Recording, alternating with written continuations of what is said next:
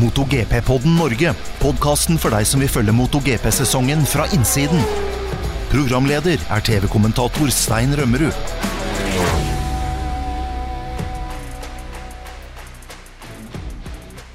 Hjertelig velkommen til en ny episode av MotoGP-podden Norge. I dag så har vi med oss Karoline Olsen og Thomas Sigvartsen. Hei og velkommen.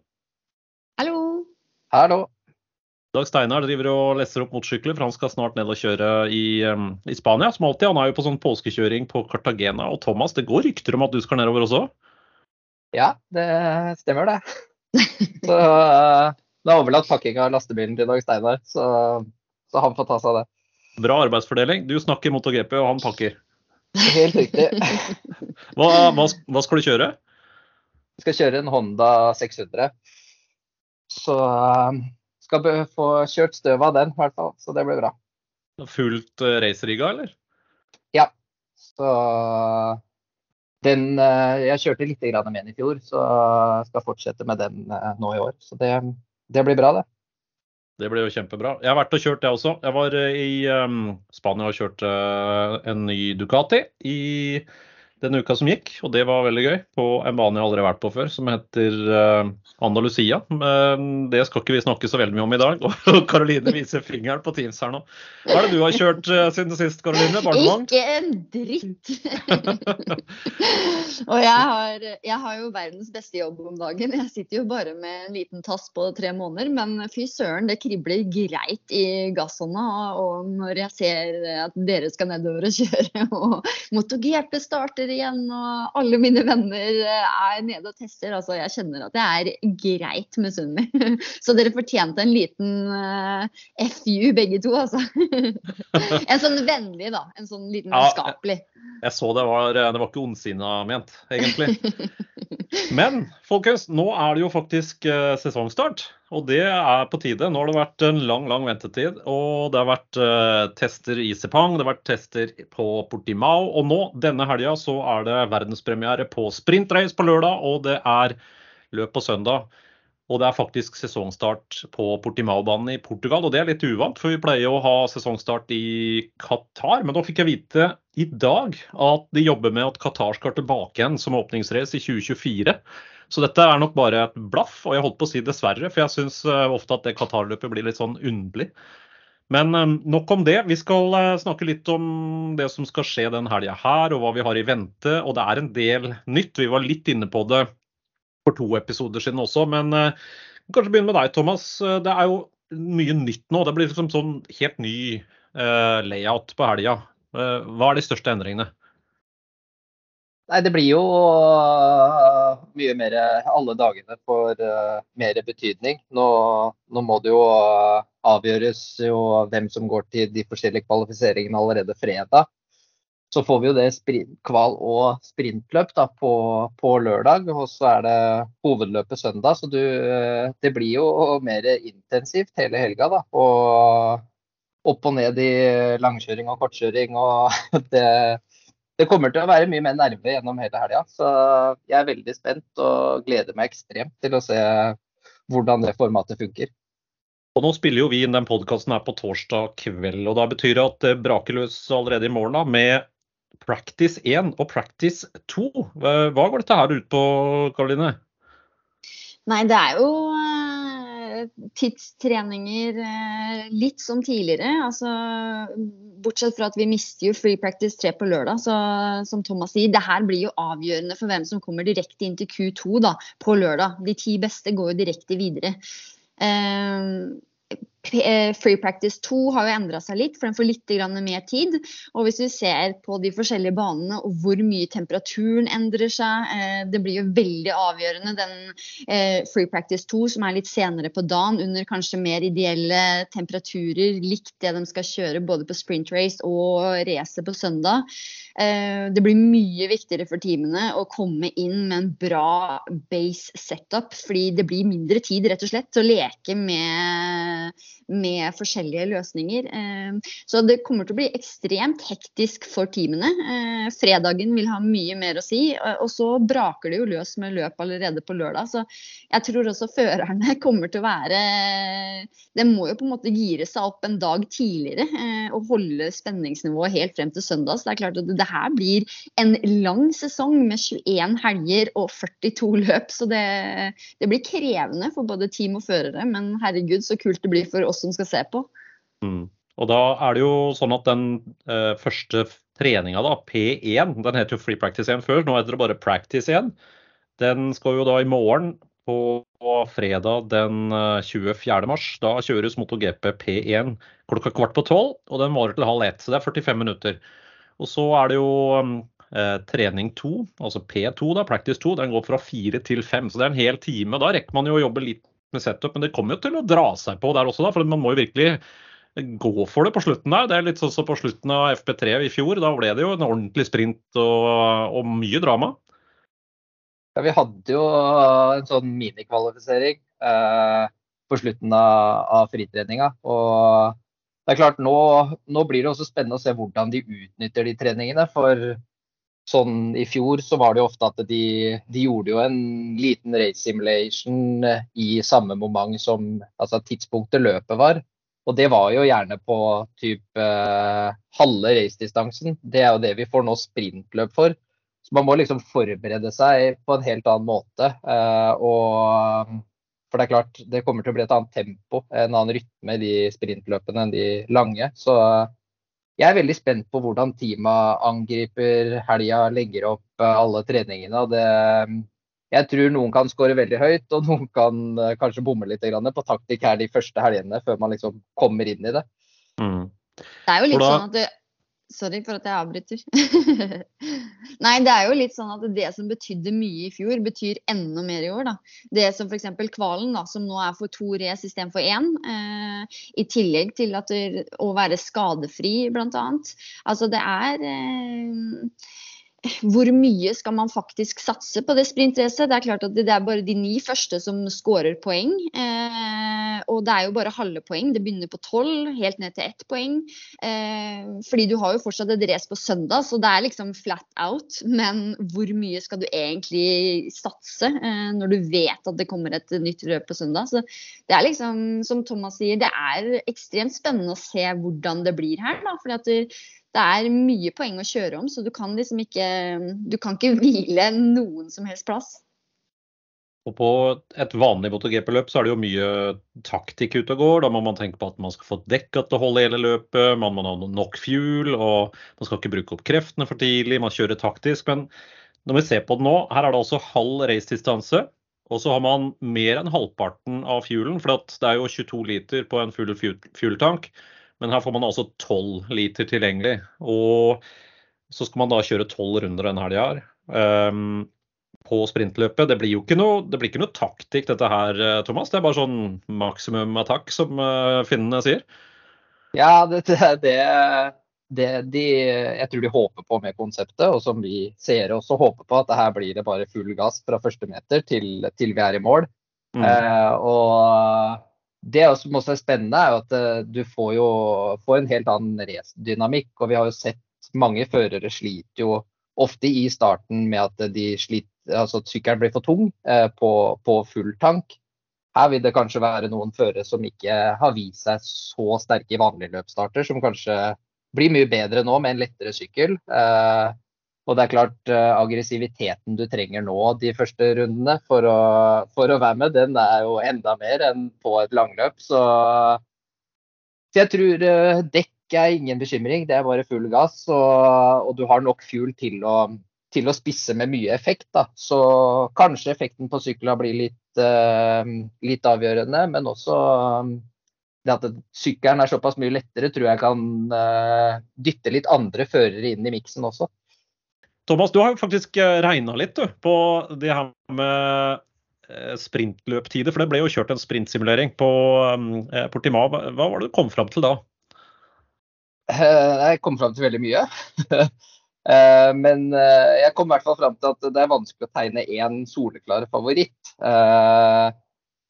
Bagnaya hadde selvfølgelig den raskeste runden, uh, for han var eneste som kjørte 37. Ellers så hadde vi egentlig, skal vi se De ni første førerne eh, gjorde runder på så lav 38, altså under 38,5. tre og to runder på, på det tempoet, så det er de ni første har jo egentlig vært veldig nære sin raskeste tid. Og så hvis jeg skal spå noe løpstempo for uh, så tror jeg vi vil ligge sånn medio mellom 38,5 og 39 blank på, på vinner. Uh, men vi hadde jo et drøss som lå på og gjorde snitt på 39 blank. Uh, der var vi ja, si de 15 første i hvert fall ligger stabilt uh, under 39,5 da, og kjører hele den løpssimuleringa med noen, noen, høye 38. Så, um, så det kommer til å bli ekstremt tett på de sprintløpa og veldig mye spenning. Jeg håper også at de har like mye overtenning som meg til det løpet, for da, da, blir, det, da blir det fart. Det blir rock'n'roll. Og det er jo akkurat det Dorna vil. Det er derfor det har innført sprintløp. Det har nemlig vært litt laber interesse for lørdagene. Det har vært tomme tribuner og, og litt dårlig billettsalg. Og vi har sett også på TV. Eh, seertallene at lørdagene har jo ikke vært like, like, bra. Men eh, da får vi håpe da at disse sprintløpene er med på å dra opp interessen. Og det er jo all mulig grunn til å ta vorspielet til eh, lørdagsfesten mens man ser på sprintløp. For det er jo det siste som skjer på, på lørdag. Vi gleder oss. Vi kjører en liten quiz på deg og Stein.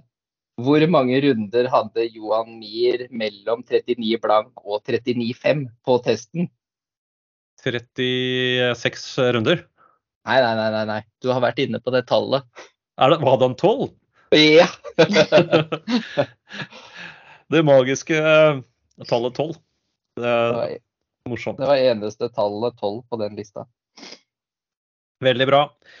Takk for den analysen. Vi eh, gleder oss eh, til å se om det slår til. Det er jo en helt ny dimensjon det her med det sprintløpet. Jeg lekte litt med noen tall og fakta og nerda meg litt på det her på forhånd. Og det er jo et tall som går igjen her hele veien. Det er jo tolv, har jeg funnet ut. Det er sånn fellesnevner. Det er, I denne helga skal vi sprintløpe. Det går på tolv runder. Og antall liter fuel tolv. Antall dekk tilgjengelig eh, hele helga, sju pluss fem, tolv. Og ikke bare det, men hvis du vinner sprintløpet, da får du hvor mange poeng, Karoline? Tolv. Ja, Hvem er det som vinner da? altså jeg, For det første så føler jeg at du må sende en mail til MotoGP og spørre om det her var med altså, vel vitende om at tolv. For at det, hvis vi skal fortsette den der triaden du er på nå, da, så tror jeg Maverick Vinales får veldig gode odds for, for sprintracet. Men det gjør det veldig lett å huske, da. Tenker jeg sånn, eh, okay, For det er jo alt er nytt, og det er litt vanskelig å huske. Men det er jo OK, det er greit. Da, så lenge han husker tallet tolv, så er det veldig mye eh, på, i boks for det sprintløpet. Men eh, fra spøk til alvor. Det, det, betyr jo kanskje at de førerne da, som normalt sett kanskje ikke klarer å holde trykket oppe gjennom et helt løp, eller som er gode på kval, klarer å sette en to-tre runder, med bra trøkk. Eh, er det riktig å tenke sånn da at en fører som f.eks. Jorge Martin, som alltid er god på kval, vil han være bra i et sprintløp? Hva, hva tenker dere om det? Jeg tenker jo at uh, han har jo vært veldig god på kval. Uh, men han har jo også vært ganske på i starten, da. Så hans uh, akilleshæl må jo være at han må være litt mer konsekvent. da, Fullføre race, ikke gjøre så mye feil. Ehm, men han er absolutt en av de jeg tenker eh, vil ha muligheten til å skinne litt da, i det nye sprint, eh, sprintformatet. Mm. Thomas? Ja, jeg er for så vidt enig der. Det er, uh, han, han, gjorde jo noen gode løp sånn helt igjennom òg. Uh, det er jo sånn som Sarko f.eks., som eh, vi så mange ganger tenker at nå, nå sitter seieren, eller nå, nå, blir det i hvert fall en pallplass. Han har jo hatt en, i hvert fall i fjor en veldig tendens til å slippe seg bakover gjennom løpet. Eh, og har jo ofte en serie med, med veldig bra tider. Så, så, han er eh, kanskje noe dette passer bedre for.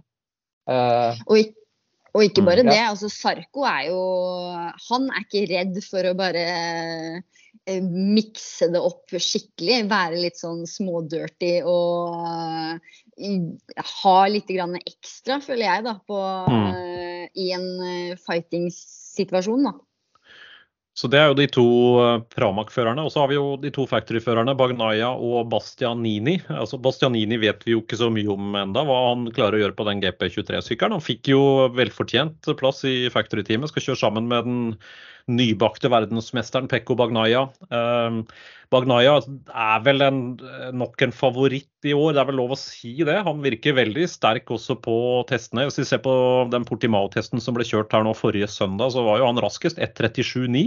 Eneste mann ned på 37-tallet. og det var litt gøy, for Jeg satt og så på pressekonferansen med Fabio Quartararo. Han hadde en pressebrief da, på på, helt på slutten av dag to der, så han hadde jo gitt seg med å kjøre. Da fortsatte Pekko Bagnaya å kjøre, fordi Bagnaya han, uh, sparte en del runder til slutt. og Da fikk han tydeligvis opp en melding på mobilen sin, da, uh, Quartararo, mens han satt og brifa pressen. Det var ikke et pent ord han sa, men han var helt sjokka tydeligvis over at det gikk an å kjøre på under 1,38 der. For, fordi det er jo nesten tre tideler foran uh, nestemann. Så Bagnaya virker sterk nå. Ja, han han fortsetter jo der han slapp, og Ducati har tydeligvis gjort en god, god jobb. Levert en pakke som eh, egentlig har funka fra første testdag. Eh, for det er jo Ja, Portimano var det syv Ducatier blant de åtte raskeste, vel. Så, um, så de har liksom fortsatt eh, Kjørte jo raskere på, um, på Sepang enn det de gjorde tidligere. Eh, og han har jo dekorert sykkelen med tallet én, så han må regne med å være en storfavoritt. Så, så, men han eh, er jeg veldig spent på å se hvordan han gjør disse sprintløpa. For han, både han Bastianini har jo vært en mester til å bevare dekk og, og være kjøresterk på slutten av løpet. Mm. Og Bagnaya har jo ikke vært den sterkeste når det kommer til sånn uh, hard kontakt og, og tøff fighting. Så det blir, uh, det blir spennende å se hvordan han løser det. Mm blir jo veldig veldig mange poeng å kjøre om i år. da. Hvis vi tar uh, litt matte her. 12 uh, eh, poeng for en seier på sprintløp. 21 sprintløp i år. Det er 252 poeng bare på, bare på sprintløp. Eh, så det, det, er jo bare der en haug med poeng å hente. Og så har vi i tillegg da 21 ganger 25 for seier i de andre løpene. Det, det er jo 525. Så vanvittig mye å kjøre om i år. 777 poeng, tror jeg det er. Jeg er så sjukt bra i hoderegning. Det er helt riktig. Lukter ny poengrekord, i hvert fall, på vinneren. Ja, det gjør det. Men jeg, jeg er jo litt sånn statistikknær. Jeg liker jo de um, uh, å, å, grave i, i, statistikken. Og jeg ser jo uh, Dorene har jo nå bestemt seg for at uh, sprintløpseiere det skal holdes helt utenom. Så hvis du vinner et sprintløp, så er det ikke regna som en Grand Prix-seier. Men vinner du på søndag, så er det selvfølgelig det. Så de skal jo kjøre liksom en ekstra utenomstatistikk på det. Da. Så får vi se hvor lenge det holder. Det var vel det som var intensjonen i Superbike-VM også, når man begynte med sprintløp. Men det tror jeg er blitt bakt sammen i den offisielle statistikken nå. Så vi får se. 777 poeng. Det er en lang sesong. Det skal kjøres fra denne helgen også. Den 26. Eh, mars, og det skal avsluttes eh, helt i slutten av november. Lurer på om det er helga før første søndag i advent. Så det er, det er liksom hele, hele sesongen.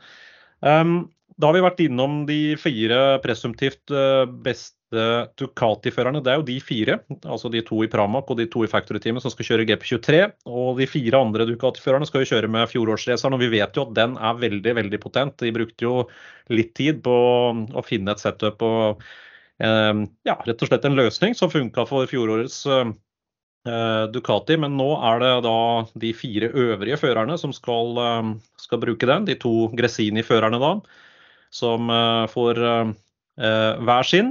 Og, og, i tillegg til det da Muni VR46-teamet, med Marini og Betseki. Og Marini kjørte jo en GP22 også i, i, fjor, så det er en sykkel han kjenner veldig veldig godt. Og han var rask i Sepang, han var vel faktisk helt på toppen av, av lista der. Og i, um, i, Portugal så ble han nummer fire. Hvor, hvor, god, eller hvor sterk blir Marini i år? Er, det, er, dette bare et blaff, eller må vi regne med at han vil være der oppe? Hva tenker du Karoline? Jeg tenker at han er en eh, potensiell eh, kandidat, også fordi at han er så innmari konsekvent og fullfører alle løp. I fjor så hadde han vel ikke én eneste eh, et, en eneste nullpenge. Jo, han krasja i ett løp, men fullførte. Så han hadde mm. vel én nullpoenger, men uh, fullførte absolutt alle løpa i fjor. Uh, både han og Besekki kom jo sterkt mot slutten av året i fjor. De har vært veldig fornøyd gjennom testene i år. Uh, jeg tror alle på Ducati, i den forstand at det har vært mye mer deling av informasjon. Da. De er faktisk åtte førere som innhenter og kan gjøre sykkelen bedre. Jeg tror Marini jeg, jeg, er imponert over han, altså. Jeg tror at han kan gjøre det bra i år. Både han, Besekki eh, Jeg har også en liten knapp på Alex Marquez, eh, som også er på Ducati. Jeg tror at de tre kan mm. eh, være med og virkelig slåss om eh, pallen. Og ja, det blir spennende å se hva mer de kan gjøre. Ja, Alex Marquez han hadde sin aller første Ducati-krasj nå den eh, i testen nå på Portimao. Han sa etterpå at han var litt glad for at han fikk den greisen, for han hadde egentlig ikke noen følelse at det var noen grense for hvor hardt han kunne pushe den Ducatien. Til slutt så gikk han over ende og da sa han OK, fint, nå har jeg kjent litt på grensene. Men han, han er jo sånn type fører som bruker litt tid på å, å komme seg på plass. Det så vi jo i Moto 2 også, før han tok den Moto 2-tittelen sin. Og nå har han brukt god tid her på å bli litt kjent med den Ducatien. Jeg har liksom en følelse av at han også kommer til å bli sterk i år. Og det store spørsmålet er hva tenker storebror Mark om det da, på Hondaen? Tror du han er forbanna, eller? Altså, Jeg hadde blitt dritirritert hadde jeg hørt uh, lillebroren min skryte av hvor sinnssykt bra den Ducatien er hele forbanna tida. Når uh, Marc Marquez nå sier at det, det nytter ikke å bli sinna, er hans tilbakemelding etter disse to testene. Det nytter ikke å bli frustrert, men han er jo helt tydelig oppgitt over situasjonen, da. Eh, mm. Så, men det er, det er Mark Marquez. Altså, han er en eh, magiker på sykkelen, så han tror jeg absolutt ikke vi skal utelukke i en såpass lang sesong. da. Mm. Men Honda har jo utfordringer nå, det er ikke tvil om det. De eh, ble jo 13 og 14 på den testen nå i Portimao. Eh, Mir og Marquez, da, de to Repsol Honda-førerne. Og vi hadde Nakagami helt ned på, på 20., og dønn sist Stefan Bradel, testføreren, på, på 24. Så det ser ikke sånn helt superlyst ut. Alex Rins ble vel 15 eller noe sånt rundt der. Men en liten sjokkmelding som kom nå, det er jo at tyske Kalex, som bygger de fleste av Moto 2-chassisene, skal faktisk også bygge en ramme for HRC. Og det er, det er ikke vanlig kost, eh, Thomas?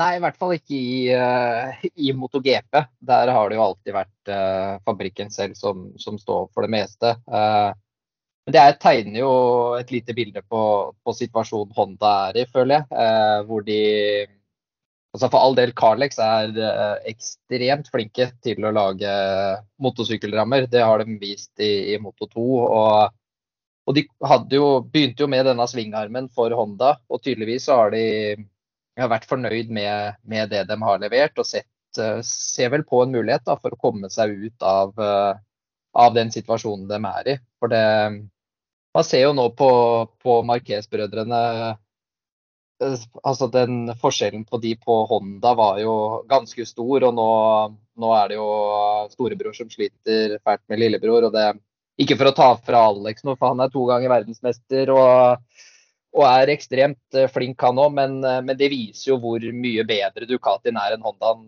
per dags dato. Når han bare mm. hopper på der og er så mye raskere enn eh, Mark, som har vært helt der oppe.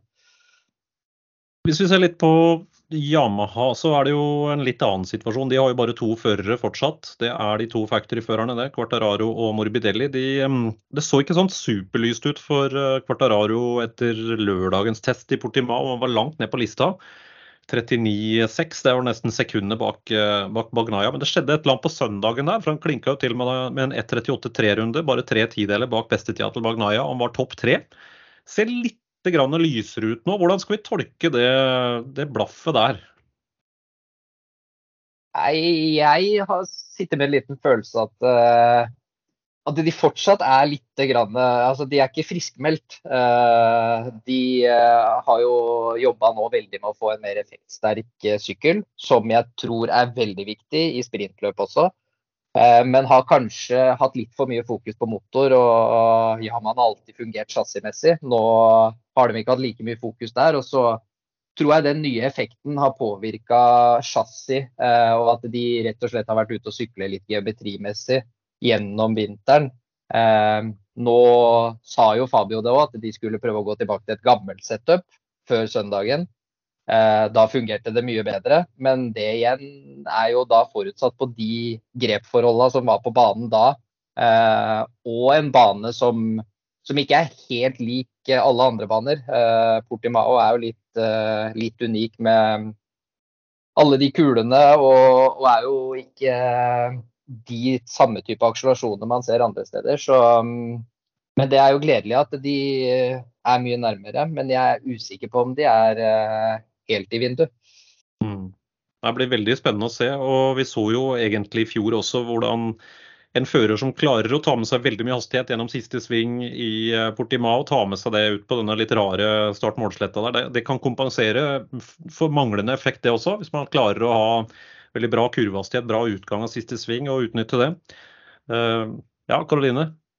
Ja, og så er det jo, selv om Yamaha har tatt et steg, så har jo alle andre også tatt steg. Eh, og Quartararo har jo absolutt ingen hjelp i Morbidelli sånn som det er nå. Eh, for han gjør ingenting på den sykkelen, så han må liksom teste alt selv og prøve ut alt selv. Eh, og det er klart at det, eh, det er utfordrende når du har åtte Ducater som fungerer eh, som trikkeskinner. Eh, men Quartararo er rå, det viste han i fjor. Mm. Jeg tror helt klart han kommer til å være oppe der. Eh, men akkurat nå så syns jeg Bagnaya han oser selvtillit. Han, han, har en helt annen ro over seg. Jeg tror det presset med at Ducati i fjor ikke hadde tatt en tittel siden 2007, og Casey Stoner, det veide tungt på alle sammen. Tungt på alle sammen. Jeg tror at mm. nå klarer de å senke skuldrene og nyte litt mer. De har en bra base setup som de ikke trenger å jobbe så himla mye med. Eh, eller store, drastiske endringer. Da. Så jeg tror at det blir en, absolutt en nøtt å knekke for alle andre som ikke sitter på en Ducati akkurat nå. Selv om Aprilia mm. har eh, vist god form, da. Som egentlig kanskje den eneste. Ja, og Aprilia da med fire sykler i år. De hadde jo to sykler i fjor da. Nå blir det jo et satellitteam der med det som heter Kryptodata RNF MotoGP-teamet. Det er jo restene etter gamle eh, Petronas Yama-teamet, da, som Raslan Razali eier. To førere. Miguel Oliveira, vi vet jo hvor god han er. Han har jo vunnet løp her på hjemmebane i Portugal eh, før, så han er sterk. Skal kjøre Aprilia her nå, da. Eh, han er jeg veldig spent på å se hva, hva får til. Og vi har også Raúl Fernandes som kjører for samme team. Og De kjører da i prinsippet med 2022-versjonene til Aprilia. Mens de to factory-førerne der, det er Aleix uh, Espargaro og selvfølgelig Maverick Vinales, som i uh, fjor. Og ja, de, hadde, de, viste jo gode takter på, på, slutten av fjoråret, eller egentlig mer på begynnelsen av fjoråret. De falt jo av litt utover i sesongen og ble 10 og 12, de to uh, factory-førerne under testen i, i Portimao. Vi må jo snakke litt om østerrikerne også. Eh, KTM, fire sykler der. Brad Binder kjører jo for eh, Factory-teamet, og det samme gjør eh, Jack Miller. De var 9 og 17 på de to testene. Niendeplassen til Brad Binder han var et halvsekund bak tida til Peko Bagnaya. Så har vi det andre KTM-teamet her, Gassgass Tech 3 med Paul Espargaro. Han ble, han ble 18, og vi hadde Augusto Fernandes da på en 22.-plass. Han er jo debutant i år. Hadde to førere bak seg, det er de to testførerne. Eh, Michele Pirro på 23. og Stefan Bradel på 24. Det er de to eneste som er bak eh, Augusto Fernandes. Men han eh, klarte en tid som var 1,7 fra Peko Bagnaya. Er det godkjent som rookie i MotoGP-klassen, Thomas? Ja, jeg syns, syns Augusto har, uh, har starta opp veldig bra. Så er, tror jeg situasjonen er litt vanskelig med å komme inn der på, um, i det teamet som, som, sleit så fælt som det de gjorde i fjor. Uh, de har liksom ingenting å uh, De må bare starte helt på nytt. Uh, og det har vi jo sett med KTM òg, at de har prøvd å, å, kanskje hoppe et litt langt steg. og så har de måttet reversere litt ting på de, de to factory-syklene nå under under vinteren. Så får håpe de, eh, de, går litt rett vei, og at eh, de Tech 3-syklene at de eh, ikke er så langt bak som det de var i fjor. For jeg tror, tror de var veldig lite konkurransedyktige gjennom sesongen i fjor. Mm. Det så litt sånn ut. Men nå er det jo snart start. da. Vi får de første to treningene i morgen. Practice 1 og 2. Jeg kommer til å kalle det free practice 1 og 2 i hele år antageligvis. Og så er det da sprintløp på lørdag. Vi gleder oss selvfølgelig til det. Det går live på Viaplay denne helga. Det er Dag Steinar og jeg som skal lose dere gjennom. Men det blir jo litt sånn variasjoner på hvem som kommenterer de ulike løpene framover. Det skal vi også komme tilbake til. Er det noe annet vi burde ha snakket om på denne første pre-race-podkasten i 2023? Vært gjennom mye rart. Ja, Nei, altså tror... det er jo Det er jo eh, Om vi har noen uh, dark horse, som det heter, da. Hvem er det man tror kunne snike seg opp på pallen her, som ikke er en Fabio Cartararo, Bagnaya eller Marc Marquez? Men det er mm. klart at vi har jo Problemet er jo at nå har vi ti førere som lett kunne vunnet et race. Og det blir spennende å se hvor mange racevinnere vi faktisk får gjennom sesongen. Ja, og så er det høyere risiko da, når man skal kjøre så mange løp. Det er 21 ganger 2, altså 42 løp. Og vi vet jo hvor lett det er at det skjer ting, i særlig løpssammenheng når man går all in. og Det kan oppstå skader og, og andre, andre, faktorer. En annen ting som jeg er veldig nysgjerrig på, det er dette med dekktrykkmåling. I år så har vi jo da en, eh, en godkjent eller felles måte å måle dekktrykk på. Det har jo vært eh, individuelle måter å gjøre det på i de ulike teamene, men nå har Michelin da innført en dekktrykkmåler som alle skal ha. Og det er også da satt en minimumsgrense på dekktrykk for, eh, for førerne gjennom, gjennom, et løp. Og det er jo særlig fordekkstemperaturene som har vært et problem. da, Hvis man ligger inn i en klynge og med sykler og man får lite avkjøling av fartsvind, så kan det jo da bli en um, oppheting av fordekket. Og vi vet jo alle at et varmere dekk det gir jo da også varmere luft, og varmere luft utvider seg, trykket øker. Det har vært en utfordring, eh, Thomas. Um, hva tenker du om disse nye trykkmålerne og de nye reglene der? Er det, er det noe som vil skape noen overraskelser? Det er jo hvor mye overraskelser det, Jeg, jeg syns det er veldig bra at de innfører det. For det har jo vært litt sånn Det har virka ut som det har vært eh, regler som er åpne for å tolkes litt. Et, det har jo vært noen diskusjoner etter noen løp hvor det ene teamet mener at det andre har hatt eh, litt for lavt trykk eh, og, i bakdekk. Eh, og det har vært litt sånn litt løst. Vi har aldri liksom fått noe håndfast at sånn her skal det være. Eh, så jeg syns det er veldig riktig å innføre at, eh, at nå er det klare regler på det og en felles måling. Og så er det jo, ja, i og med at vi har visst såpass lite, så er det vanskelig å si hvordan det slår ut. da, Om hva team egentlig har ligget på i trykket sånn på fordekket. Men vi har jo sett at det blir jo for hvert år mer og mer viktig det som du er inne på da, på forhjulet. At det, det, blir mer og mer overoppheting og, mm. som går utover eh, løpet til enkelte. Og Hvis jeg har skjønt reglene riktig, her, så er det et minimumstrykk på 1,9 bar eh, på fronten og 1,7 på bakhjulet. Og det er da et dekktrykk som man skal ha i minst halve løpet, hvis jeg ikke har misforstått hele. Det var i hvert fall sånn det var i fjor. Og da var det jo ikke Dette var jo en um, anbefalt grense fra Michelin av sikkerhetshensyn, egentlig. Og vi fikk jo etter hvert noen avsløringer i anførselstegn på at det var flere team som hadde kjørt med lavere dekktrykk enn det.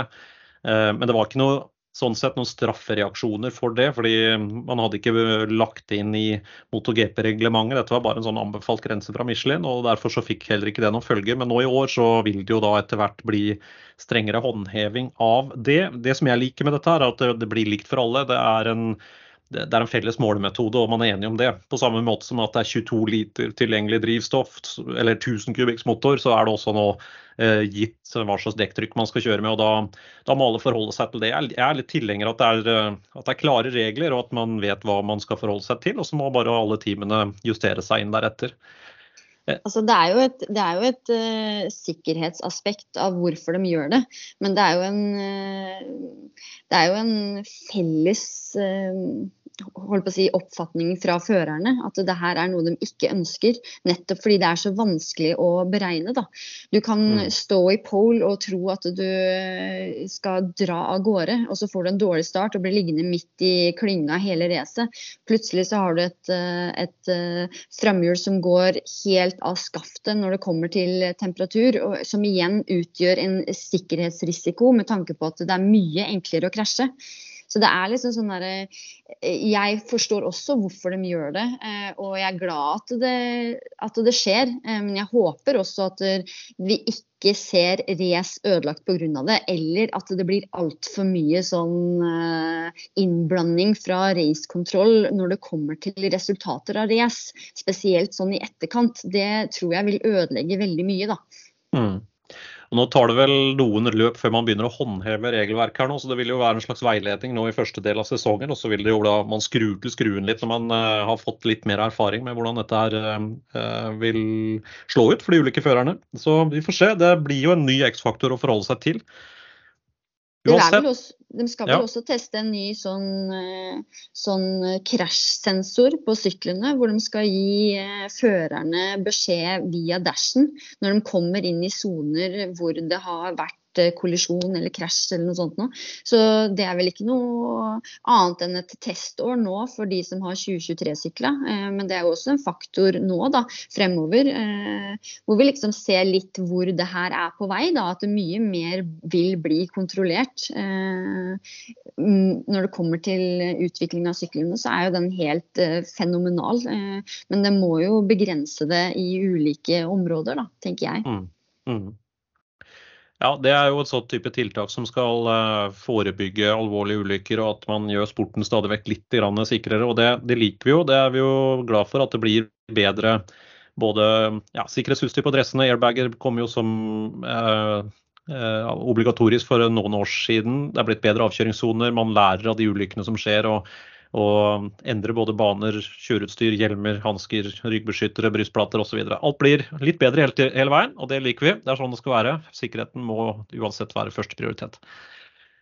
Yes, Vi skal eh, gå inn for landing nå. Jeg gleder meg veldig til sesongstarten her. Vi får jo noen svar uh, denne helga med fritrening, eller trening, da, på fredag. Og så er det uh, da kvalik og sprintløp på lørdag, og så er det vanlig raceformat på søndag. Portimao er stedet nå denne helga. Siste helga i eh, mars, altså. Og så er det bare en uke til neste løp. Da er det Argentina, og deretter så er det USA. Da skal du i ilden igjen, Karoline. Eh, det skal jeg. Ny makker denne gangen, da. Dag Steinar. Det blir ja. spennende. Ja, betten var være grei. Det går helt sikkert veldig fint. Hvis ikke så vet du hva som skjer. ja, ja, nemlig. Det vil vi ikke ha nå. Um, nei, men Bra. Da tror jeg vi skal si takk for denne gang. Vi har uh, selvfølgelig som alltid en mulighet til å ta imot spørsmål fra lytterne. Send gjerne inn en lydfil. Du kan ta opp det på mobilen din og sende inn på mail. Gjør det så kort som mulig i så fall. Kan vi ta med det som en lydfil i podkasten senere. Send det på stein.motogp.no. Og eh, vi tar gjerne imot både tilbakemeldinger og innspill til disse podkastene. Vi skal prøve å holde dere oppdatert utover i sesongen. Denne gangen var det Thomas Sigvartsen, Karoline Olsen og Stein Rømmerud som eh, var bak mikrofonene. Vi er tilbake igjen om eh, en ganske kort tid, og da skal vi oppsummere litt av det vi så og erfarte i Portugal. Ha det bra så lenge. Du har hørt MotoGP-podden Norge med programleder Stein Rømmerud.